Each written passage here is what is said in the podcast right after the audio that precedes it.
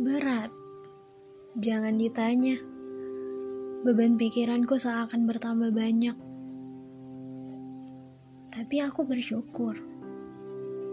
Aku bersyukur dikala umurku mulai bertambah. Perlahan, aku mulai berhenti memikirkan hal-hal yang tidak penting lagi.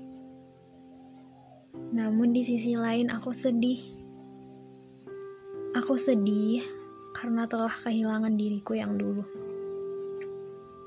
Dan untuk kali ini, ya aku harus menanggung resikonya.